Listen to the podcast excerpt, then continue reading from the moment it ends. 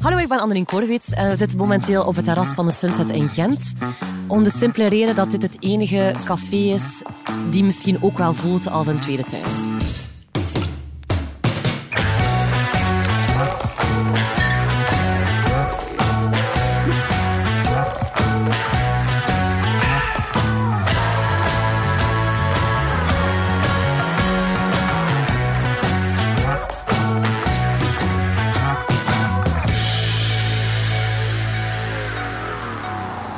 Daar Kaatje. Dag Dennis. Voilà, hier zijn we weer met Café Praat. Ja. Eh, ja, onze wekelijkse podcast voor het Nieuwsblad, eh, waarbij we op stap gaan met toffe, bekende mensen. Dat is toch de Eh, bedoeling? dat is ook de bedoeling. Samen op café voor een, een goede babbel. En dit is nu onze vierde aflevering samen. Ja. Ik vraag me nu wel af, ben je al eens stevig in de drank gevlogen intussen? Stevig is een groot woord, maar deze week is er toch champagne aan te pas gekomen. Champagne? Ja, champagne. Eh, op het terras van de Sunset in Gent, samen met Annelien Korvits. Oké, ik ben al benieuwd.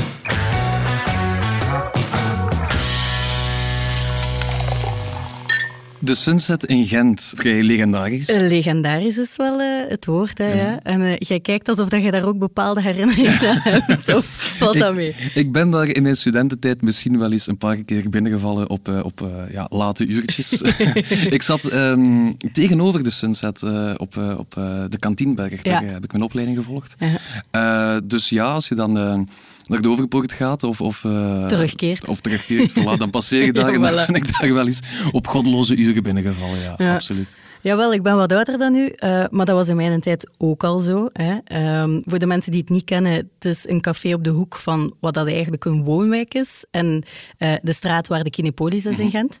Eh, wel vlak bij de Overpoort, dus inderdaad, als je naar huis strompelt, wilt je daar wel al eens binnenvallen, als het feestje nog niet gedaan is. Ja, ja, het, het is vooral een nachtcafé, Ja, denk ik. Hè? ja, iets heel klein, iets heel donker van binnen. Nog altijd hetzelfde, ook al heeft het wel een update gehad eh, intussen, maar het is echt heel, een heel klein kotje eigenlijk. Ja, ja, Eh, en op de ramen eh, hangen er honderden foto's, net als in de toiletten, eh, van alle bekende mensen die daar ooit al een keer een avondje uit zijn geweest. Ja, ja veel voetballers staat er een beetje onbekend. Ook veel missen. En dat leidt ons dan natuurlijk een beetje automatisch tot onze gast. Is, is, is dat de reden? Nee, nee, nee, nee. nee. Ehm, ik moet zeggen, in mijn hoofd was dat ook wel zo. Hè. Voetballers missen, die... Maar Annelien zelf zei van... Dat is eigenlijk exact de reden waarom ik het niet zou uitkiezen. Ja. Maar ik laat het daar zelf uitleggen. We zitten op het eh, terras van de Sunset in Gent. Ja. Ik denk dat iedereen dat wel kent. Het is een, een beetje een ja, fenomeen. Hè. Ja, iconisch eigenlijk bijna. Ja, In eigenlijk Gent, wel. Ik weet eigenlijk... Milen, hoe lang bestaat dat hier? 39 jaar. 38 jaar. Ah, voilà, kijk. Ik ben er zelf 34, dus eh, van voor mijn tijd nog. Ja. Ja, ja, ik weet het, Milijn, ja. Maar mm, ehm, mijn eerste lief zat, allee, al zat op kot in Gent, dus ik ging af en toe aan een keer uit in Gent, maar eigenlijk niet veel. En dat was aan het stratje in Gent. Maar dat zei mij eigenlijk bitter weinig. En als ik hier zat, ja, was dat, zat ik hier op mijn gemak. ja. En Milijn en Sis ken ik al heel lang. Al van voordat je naar Gent kwam dan? Of? Eh, al van mijn 19 jaar. Amai. Ja. Ehm, dan is dat eigenlijk een beetje begonnen. Ja. En ondertussen kent Milijn en ze kennen iedereen van de familie bij ons. Ze kennen eh, ja, eigenlijk heel veel gemeenschappelijke vrienden ook. En het is zo'n beetje thuiskomen ook. Ik heb altijd gezegd, eh dat Milijn was zo'n beetje mijn tweede moeder toen ik hier kwam wonen. Eh, omdat ik op vrij jonge leeftijd bij Olivier ben gaan wonen. Denk dat ik 20 of 21 was. En ik miste ook wel dat... mm, Ja, ik miste hier ook wel heel veel. Hè. In het begin ken ik hier ook bitter weinig mensen. En ook het West-Vlaamse miste ik enorm. En Milijn is een platte West-Vlaamse. ja, Dus, zeg eh, maar ze. Dus voilà. Ja, ik hoor ook dat jullie in het plat West-Vlaams... eh, Ja, Ja. en we babbelen ook in het plat West-Vlaams tegen Ja, elkaar. jij ook. hè? Jij schakelt meteen Direct over. over, hè? ja. Ja. Tegen de kinderen niet. Nee, dat klopt. Ja. Maar voilà, dus ja, als ik naar een café, omdat hij mij dan vroeg van oké, wat is uw, uw, eh, Uw go-to zo. mijn go-to terras? Ja, dan kan ik echt maar op één ding denken en dat is de Sunset. Ja. Ehm, en binnen ook, alleen bij binnen zitten is al een klein kotteke. Je zit allemaal op elkaar. Nu mag dat niet meer, maar hou. Maar dat is, ja, weet je, stak het meteen, ging ik naar boven. Dat was zo. Ging ik met Milijn even naar boven. eh, wanneer nou hier nog, wanneer ben ik nog bij hier geweest? eh, Twee weken geleden, zoiets? Ja. Hebben we nog een keer iets, eh, een koffietje gedronken, maar het was lang geleden. Hier word ik niet, allez, word ik niet lastig gevallen. Ondertussen is dat een zeer jong publiek geworden, dat ik al niet meer ken. Ja, maar Het eigenlijk de beide, hè? met de beide. hè. Ja. Met al de kinders van ons vriend. Ja, dus ja, het is, ja voor mij is dat ja, waar ik het meest op mijn gemak ben. Ja. Ja. Nu zou het misschien wel niet meer zo gemakkelijk. Moest hier nu binnenkomen om uit te gaan, zouden ze Oh, misschien maar wel die die generatie jongen- kan mij niet meer zeker. Ah, nee? Jawel, Jawel, wel, van nee. Temptation. Toch? Ja, Kan hij? ik ervan uit dat ze me niet meer kennen? Ja, hij, jongen. Hij hangt hier nog overal uit. Ja, ik hang in de wc's, dat is waar. Ja, Ja. hangt hier nog overal uit. Ik hang er overal foto's aan de muren. Vroeger heb ik ook de modeshows voor gedaan. Ja. Op zoveel jaar Sunset ook een keer gepresenteerd. Eh, dat was dan met een modeshow ook. Maar allee, bon, van alles gedaan hè, voor hun. Ja. Plexi hangt ervoor of ze pakte altijd daar foto's. Ik zei, no way dat ik hier in de wc van de vent hang. Dat, ga ik. dat, dat gaan we niet doen.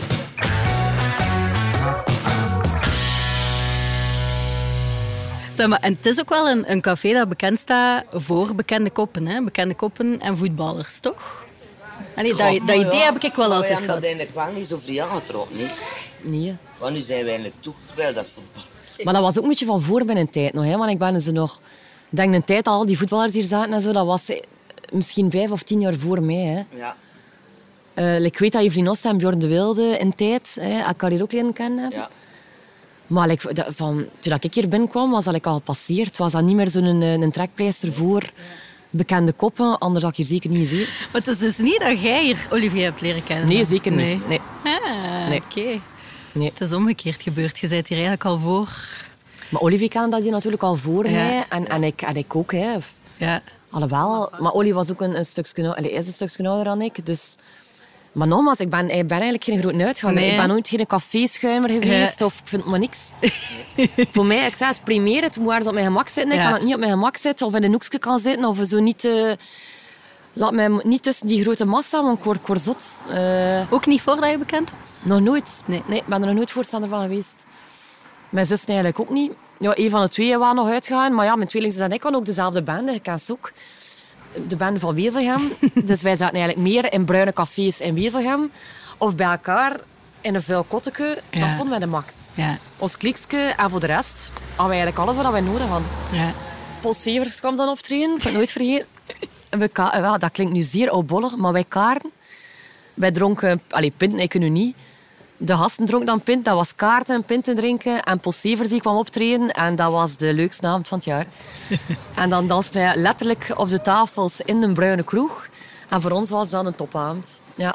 Maar allemaal oude, oude mensen rond. Allee, oud, echt oud. Hè. De, de, ja, de- het volk dat in een bruine kroeg zit. ja. Want dat is mij zo handig. Ja, ik, ba- ik heb altijd liever gebabbeld ook met iemand die zo'n beetje matuurder is. Want maar al, die, al dat jong volk, ik kijk er dan niks, alleen niks tegen te zijn, is veel gezegd, maar ik babbel altijd liever met iemand waarvan ik iets kan leren. En dat is ook een soort van rust dat over mij komt dan. Ik weet niet dat dat komt, ik heb het altijd gehad. is eigenlijk een oud manneke. Ja, mijn zussen zijn dat Een altijd. hè. Hij, hij zit altijd in nieuwe kop en het is wel waar ook.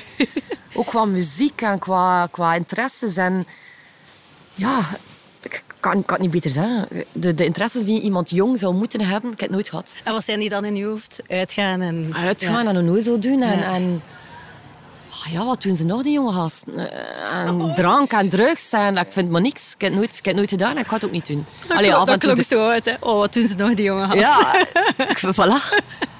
Nee, ik vind, ik vind maar niks. Ik drink vrijdag een goed glas eh, champagne of een goed glas wijn. Maar dan liefst ook in een petit comité weer met de mensen dat ik ken. Ja.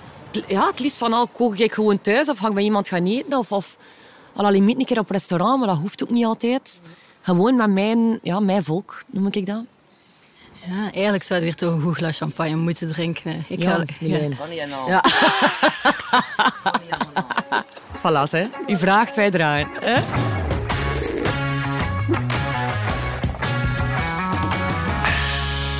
Klassikaatje goed geregeld, glasje champagne. Zo doen we dat. hè.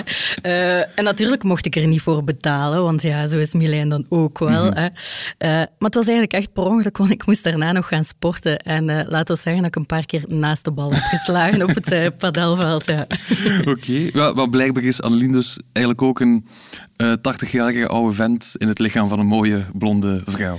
Voilà, ja, echt. Ja, want toen we aan het afrekenen waren, allez, of hè, dat ik dat toch probeerde, ehm, was er een Franse chanson op, het, op de radio binnen. Eh, ik had het nog nooit gehoord, zou je echt niet kunnen zeggen wat het is. Maar zij was die woord voor woord aan het meezingen, dus ja, zalig. niet gelogen. Ja. Ik vond het wel opvallend dat ze zei dat ze niet echt op haar gemak is tussen de mensen of, of zelfs in de spotlight. Ja, dat is eh, inderdaad opvallend. Dus ik ben er dan ook even op doorgegaan. Want ja, de grote vraag is dan, waarom doet zo iemand dan mee aan Miss België? Hè? Het is, het is dat vertrouwde misschien dat ik heel tof vind. Ja. Ja. Ik ben, allee, ben niet graag tussen onbekende mensen. Ja, Je hebt dan echt de verkeerde job gekocht. hè, ja dat klopt. dat klopt volledig. Ja, maar ik zeg het, ik heb er uiteindelijk veel uit geleerd. Hè. Ik heb mijn moeten over die, die, ja, die grens stellen. En, en, eh, maar het was niet mijn gelukkigste jaar, eh, dat jaar als Miss België. Nee. En uiteindelijk, ja, je, je- je wordt erin gesmeten. En wat, is, wat je niet beseft, is dat het voor de rest van je leven is. Dus die spontaniteit en dat zot zijn en dat, wat ik wel heb, Ja. eh, intrinsiek, dat is wel ja, ergens geparkeerd nu. Omdat ik zo altijd denk van, ja, allee, ze gaan weer kijken of ik kan weer mijn, niet mijn ding doen. En dat is de reden waarom ik niet naar buiten kom. Omdat ik dan niet ten volle mijn eigen kan zijn. Ja. Dat is eigenlijk, ja, Dat dat is wat dat is. Heb meegedaan aan Miss België, omdat er een vriendin van mij een kot... Allee, zij mocht op kot, Adeline heette ze. Ken ze nog altijd heel goed. Ehm, zij wil meedoen aan Miss België. En bon, wij zaten mij op haar kot. En ze heeft mijn paspoort uit mijn portefeuille gepakt en eh, mij ingeschreven. En eh, zo geschiedde ja, de rest. Hè. Dan hadden we eerst de finale van eh, Miss West-Vlaanderen. Maar ik won dat ook. Buiten alle verwachtingen in, want ik had dat totaal niet verwacht. En dan was die grote finale eigenlijk al twee of drie maanden achter die verkiezing van Miss West-Vlaanderen. En dat was een zodanige rush waar ik in terecht kwam dat ik dat nooit ook goed beseft heb. En voilà.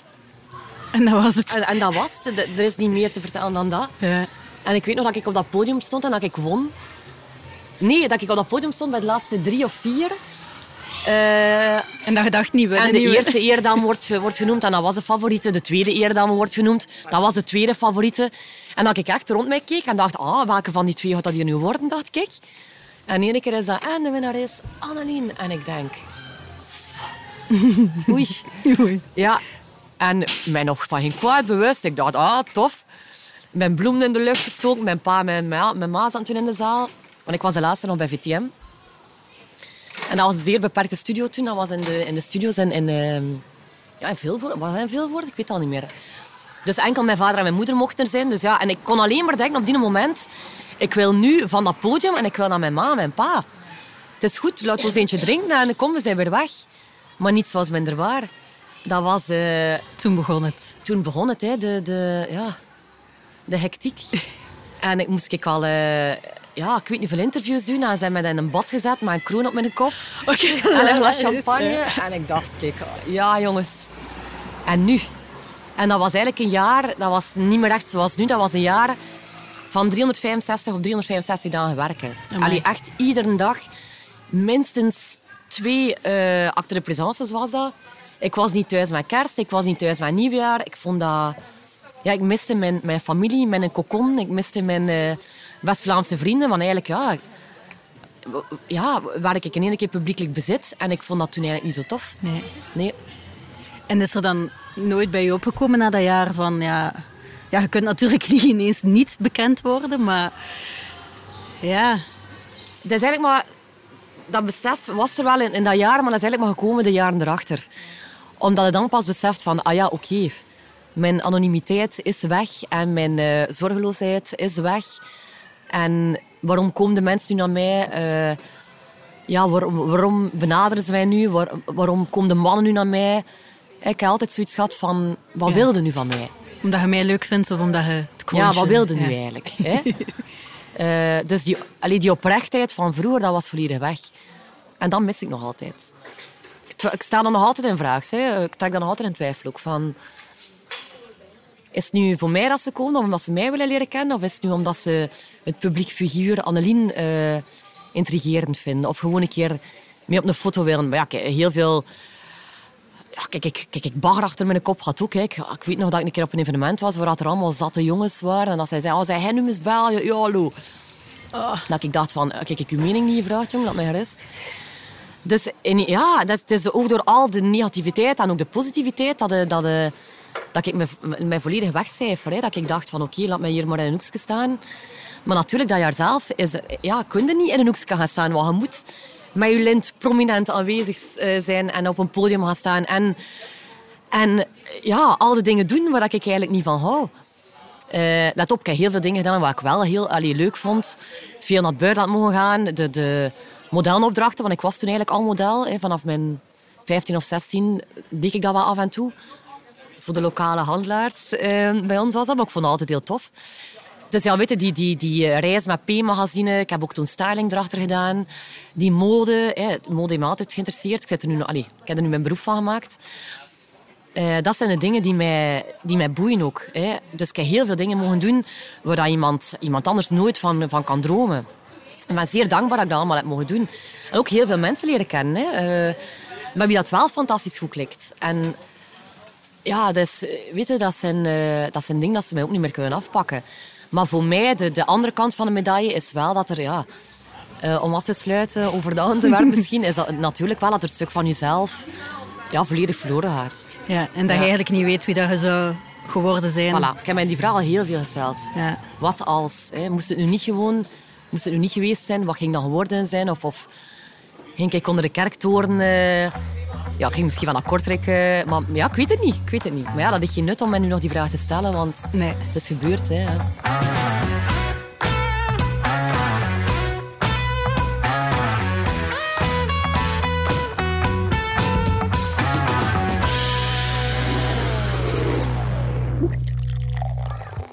Ja, Kaatje, ik, ik uh, schrik nu wel een beetje als ik dit hoor. Uh, ik, ik wist het helemaal niet van, van Annelien. Ja.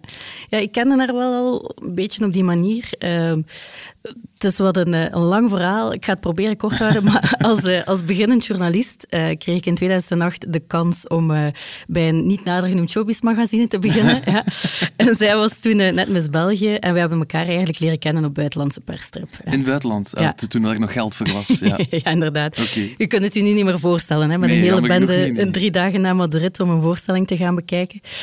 Maar wij waren allebei heel groen achter ons oren. Um, en op een of andere manier klikte dat dan in die groep van mensen die wel wisten wat ze aan het doen waren. uh, we hebben daar wijntjes gedronken, was schoenen geshopt. Uh, en ja, toen ik het aan het googelen was, want ik wist zelf niet meer hoe waar het juist was, uh, blijken daar nog uh, vreselijke foto's van te bestaan online. Die staan nog online? Ja. Oké, de mensen weten wat ze moeten googelen, subiet. Maar je, je kent Annelien dan wel goed? Maar goed is een verkeerd woord, denk ik. Hè? Omdat we elkaar de jaren daarna niet meer zoveel tegengekomen ah, zijn. Ja, ik ben zo aan een andere kant op gegaan. Um, maar zij was toen wel heel open. Um, heel verfrissend vond ik dat.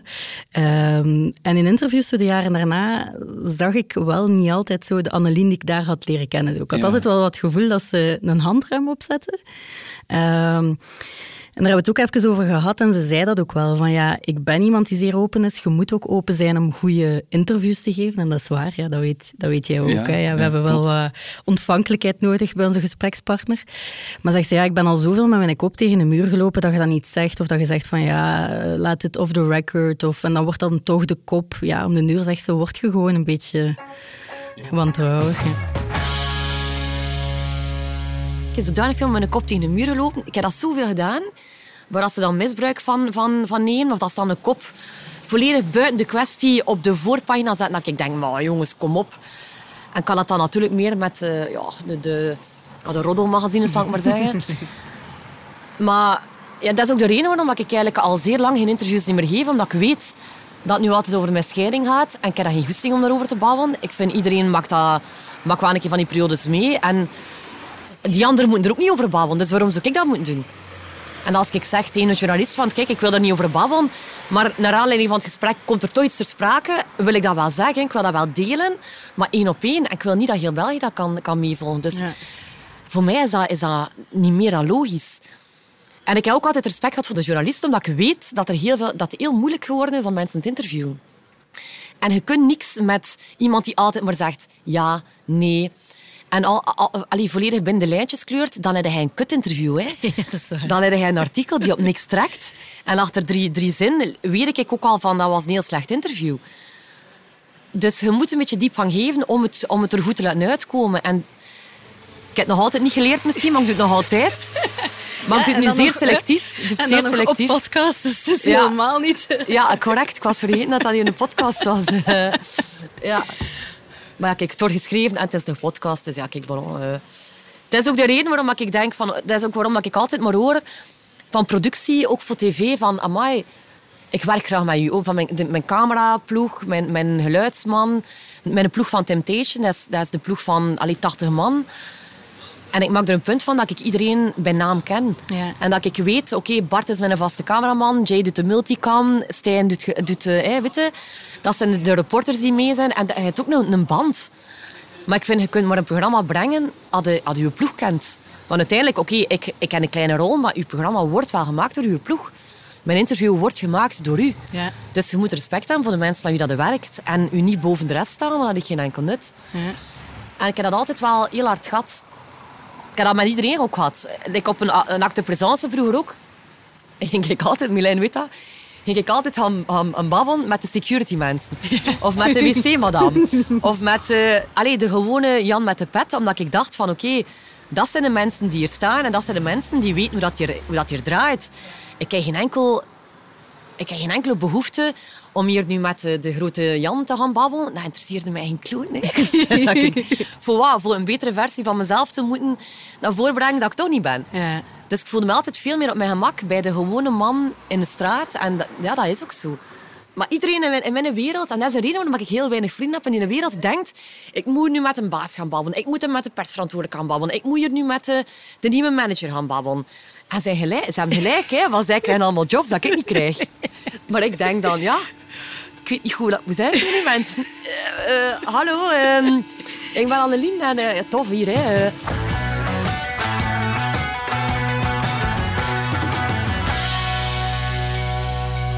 Ik weet dat ik wel veel factoren tegen mij heb. Hè. Blond, ex-Miss België, vroeger voetbalvrouw. Dus dat stempel, stempel, stempel. En je kunt niet winnen van de perceptie. Je kunt er niet van winnen. Ik kan alleen maar winnen van de perceptie door mee te doen aan programma's. Like een Columbus of nu in het najaar komt er weer iets. En dan weet ik, ze kunnen me neerzetten ik op wat ik ben. En, en op de Columbus heb ik fantastisch goede reacties gehad. Maar alleen, alleen maar omdat ze mij op een andere manier leren kennen. Ja. Dus ja. En dan denk ik, ja oké, dan is het weer zo. Hè. Ja. Stoorde je dat? Dat heeft mij heel lang gestoord. Maar ondertussen heb ik andere prioriteiten. Dat ik denk van, ja, weet je... Je kunt er toch niet van winnen. Dus wat je, wat je het voor nut om...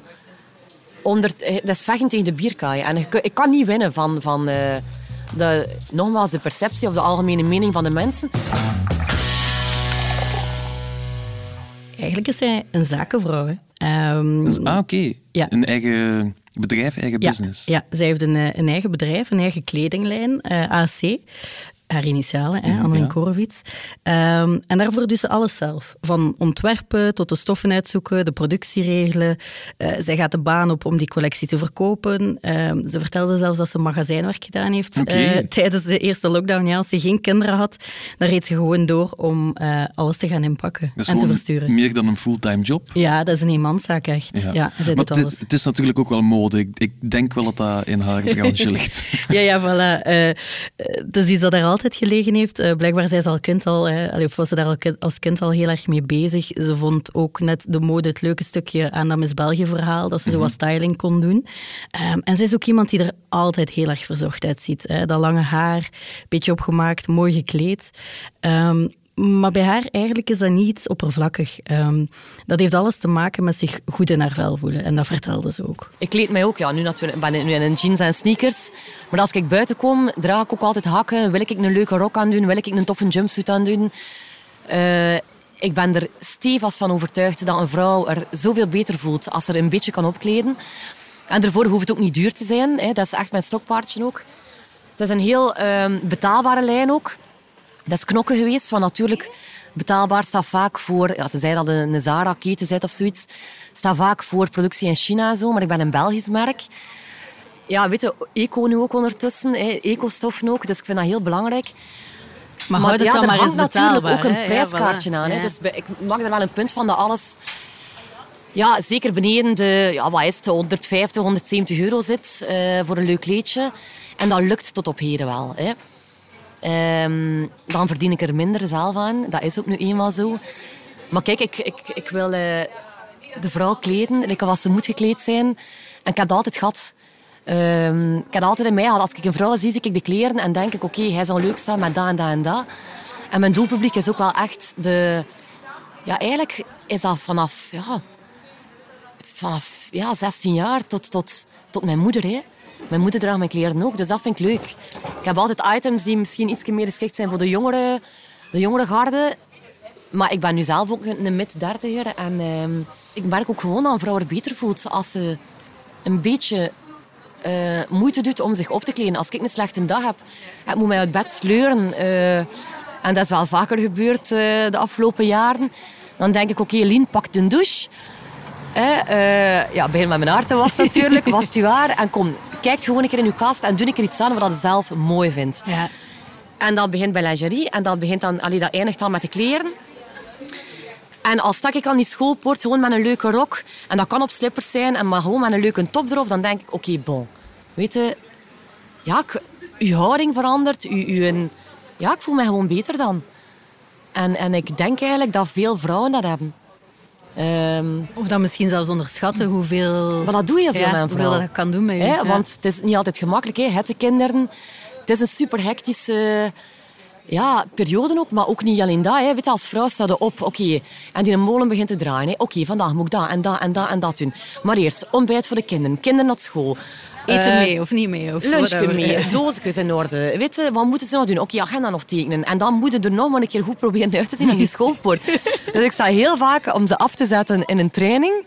En als ik ze dan ga ophalen, dan ben ik deftig gekleed. En dan denk ik, oké, Bo, ik heb nu echt geen tijd meer gehad. maar ik ga dan ondertussen wel terug even naar huis, een kwartiertje. Ja. Eh, dan drink ik nog rap een koffie, hup, vertrek ik naar mijn werk. Maar neem ik ook wel een tijd. Ehm, nu, ja, ik zeg, het is natuurlijk mijn job. Hè. Ik kan mij ook kalmeren, hoe raar dat, dat ook klinkt. eh, door in mijn bed te liggen. En als ik niet kan slapen, denk ik, oké, wat kan ik met wat combineren? Dat klinkt heel bizar. Dan, Ja. dan, dan zit hij in uw Ja. hoofd in uw kledingkast. En voor mij is dat een soort van ontsnapping aan alles wat er in mijn, in mijn hoofd zit. En dat, dat brengt mij rust. Dan denk ik, oké, moest ik nu dan een keer met dat combineren? En moest ik nu in die collectie een keer dat kunnen steken? En, en dat is goed voor, voor dat model van vrouw. En een curvy vrouw kan dat ook aan doen. En Ja. ja, weet je, ik ken nu zelf geen curves, jammer genoeg. maar dan denk ik, oké, voor ons is dat dan ook weer goed. Dus dat, is- dat is constant, dat zit in mijn hoofd en dat is mijn passie. En dat is ja, hetgeen dat ik het liefste doe eigenlijk. En dan legt de molen even stil. Voilà. En dat, voilà, dat leidt de aandacht van, van al de rest van de miserie een beetje af. En voor mij werkt dat. Ja, en dan zeggen ze dat mode oppervlakkig is. Of, hè? Alles Ja, behalve. Alles behalve. Ja, nee, alles behalve. Nee. Tussen de lijnen door, Kaatje, eh, begrijp ik wel dat Annelien het de voorbije jaren niet altijd gemakkelijk heeft gehad. Ja, nee, dat kwam inderdaad eh, af en toe wel een keer terug in het gesprek. Ehm, dat ze toch wat heeft moeten zoeken de laatste jaren. Hè. Twee jaar geleden eh, is ze gescheiden. Ehm, ja, om weer vaste grond te vinden, dat dat toch niet zo gemakkelijk was. Ehm, ze vertelde ook dat ze wel wat emotioneler geworden is, hè, ook, ook deels door haar kinderen. Eh, ja, dat niet altijd roze geur maneschijn geweest heeft. Ja, Dus, ja, nee, ja. dat is iets dat ik me dan herinner uit die interviews en artikels die er ooit over zijn verschenen, over die scheiding. Ja, dat ze altijd haar gezin als haar grote droom zag. Ja. En, daar ook heel veel voor deed. Hè. Absoluut, ja. ja, En, en dat dat dan toch een beetje uit elkaar is gespat, hè, op een bepaalde manier. Ja, ik denk dat het daar echt wel eh, ja, dat dat een moeilijke is en misschien ook wel herkenbaar voor veel mensen. Hè. Eh, Mhm. Dat plaatje dat uit elkaar spat. Eh, maar goed, ze is ook wel iemand die, die zeer optimistisch is en die, die vooruit wil. Dat merk je ook wel in alles. Ehm, dus ze focust zich nu op haar kinderen en haar bedrijf en af en toe wat tv-klussen daartussen. Ja. Ja. En valt dat allemaal te combineren, want hij is toch ook geen, geen kleine boterham. Ja, how does she do it all? Ja, Zo, dat, dat soort dingen, ja, dat is waar. Ze heeft meer dan 90 verkooppunten op dit moment in België. Dat doet ze allemaal alleen. Als single mom van twee kinderen, ja, dat is geen sinecure. En eh, daar hebben we het toch even over gehad ook. Ja, een dag heeft, heeft 24 uur, maar je moet natuurlijk wel een beetje slapen ook. Ja, Maar ja, je zit ook... Allee, ik, ben, ik zie mijn kinderen doodgraag, maar ook als moeder zijn je gelimiteerd. Hè. En dat is dan iets wat ik ook wel heel veel merk. Dat dat ja, toch voor het grotendeel op de, op de schouders van de moeder terechtkomt. Ehm, ook het schuldgevoel. Hè. Een vrouw heeft er heel veel last van. Hè. Van, oh shit, ik heb nu een paar dagen mijn kinderen niet. Dus nu moet ik werken, werken, werken, werken. En dan pakt er ook eigenlijk niks van ontspanning of geen tijd voor, de rij, voor je wijn. En dan, hup, de kinderen zijn er dan terug. en dan is er ook nul tijd En dan voor is er ook weer geen tijd niet meer. Dus eigenlijk, ja, ik denk dat dat heel herkenbaar is voor veel vrouwen. Maar ja, planningsgewijs eh, is er nog werk aan. Maar kijk, het, komt wel. Hè, ja. Ja. Het is ook een beetje zoeken nu de laatste jaren geweest, hoe we het allemaal moeten doen. Maar Ja. Ja, want ik las wel dat je, je ik denk ook bij ons eh, in het nieuwsblad eh, naar aanleiding van Vrouwendag. Ja, eh, ik denk altijd een vrouw... Ik weet dat een man het ook lastig heeft. Hè. Dat niet van een man. Hij- natuurlijk ook zijn, zijn bekommernis en het werk. En misschien ja, traditioneler nog meer van oké, ik moet hier brood op de plank leggen. Maar de tijden zijn geëvolueerd. Hè. En een vrouw is alleen maar en, en, en, en, en. Dus daarom heb ik eindeloos respect voor de vrouwen. Omdat ik ook denk van, ja, we doen het ook maar allemaal. Hè. Ik heb respect voor vrouwen die willen thuisblijven. Ik heb respect voor vrouwen die willen werken. Ik heb respect voor vrouwen die geen kinderen willen. Ehm, ja, ik vind vrouwen... Ik weet dat ik dat misschien niet mag zeggen. Ik hou van een man. Ik, heb, ik, vind, ik heb heel veel goede vrienden. Mijn allerbeste vriend, ik al van mijn 13, 14 jaar, is ook een, een, man. Ehm, ja, maar ik heb altijd wel een soort van voorliefde gehad of respect gehad voor de vrouwen. Omdat ik denk van... Ja, we doen toch maar allemaal ook. En dat empathische en dat meer gevoelige misschien. En dat... Ja, niet... eh, goh, ik ben nu wel zelf heel rationeel, maar met ouder worden merk ik wel dat dat emotionele er meer en meer tussen begint te sijpelen. En eh, ja, dat maakt er niet gemakkelijker op. Oh, Anneliete laat al eens een traantje. Dat Ja, dat begint al. Ja. Vroeger was dat een steen en nu denk ik, godverdomme. Ja, Dat is ook de schuld van, van kinderen vaak. hè. Die zeker, maken die zo zeker weten. Ja, zeker weten. Dat en de, ehm, de hormoon iedere maand. Hè. Dat is ook een, een grote boosdoener. Ja, we kunnen er echt niet aan Ja. doen, sorry. Nee, het is wat dat is. Ja. Nee, maar dat, je zei daar echt wel ook, hè, van ja, je kunt gewoon niet... Allee, jij hebt op je 23e, denk ik, Elena... Ik was 23 zwanger en eh, 24. net op mijn 24 eh, bevallen. Ja.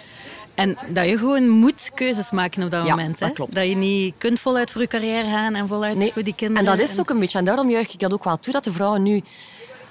Ja, iedereen moet doen wat hij zelf wil, maar misschien later en later aan kinderen beginnen. Dan denk ik, maar eigenlijk heb je wel gelijk, want dan heb je tijd om een carrière uit te bouwen. En heb je tijd ook voor je wijn en om de wereld te zien en om dat. En ik heb, ik heb geen, geen, geen spijt.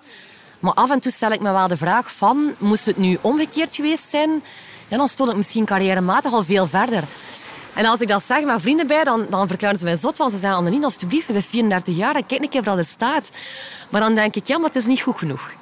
Dus ook weer typisch vrouw, denk ik. Je legt de altijd maar hoger en hoger. Of ja, typisch, ik weet niet, West-Vlaanderen misschien. Ik ben ook streng voor mezelf in mijn huishouden. En eigenlijk ook op, ja, eigenlijk ook op mijn... Ik ben gewoon te streng voor mezelf. Eh, ook met mijn kinderen, dan denk ik, ja, ze moeten en zijn. En dat, en dat, en dat. En ze moeten eh, gekweekt worden. Hè. Ze moeten een beetje... Ze moeten harder worden. En ze moeten... Terwijl dat ik een heel... Allez, vind van mezelf een, lieve en ik denk ook wel een goede mama ben. maar ehm, ja, kijk... Er zijn heel veel ballen dat in de lucht, dat in de lucht moet, moet proberen te houden. En af en toe valt er een. Hè. En dat is nu eenmaal het leven zeker. Hè. En welke valt het meest? Ja, dat varieert nogal. Ja, het is, eh, dat varieert. Ik denk dat mijn persoonlijke bal het meeste valt eh, de laatste tijd.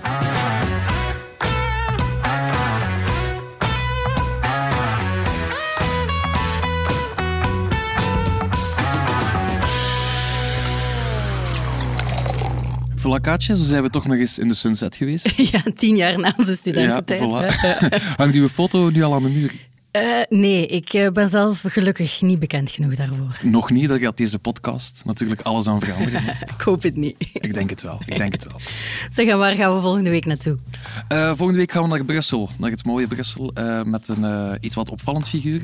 Gorik van Oudheuzen, die jij heel goed kent als... Zwanger. Zwanger Ja. Ik hier al lachen en glunderen, dames en heren. Ja, grote fan en Grote zeer fan. jaloers. Dat je En een hele toffe P. Ja. Hele toffe babbel. Pittig, maar plezant. Eh, dus eh voilà, de reden te meer om terug te luisteren, denk ik. Hè. Ik kijk er naar uit. Tot dan. Tot dan.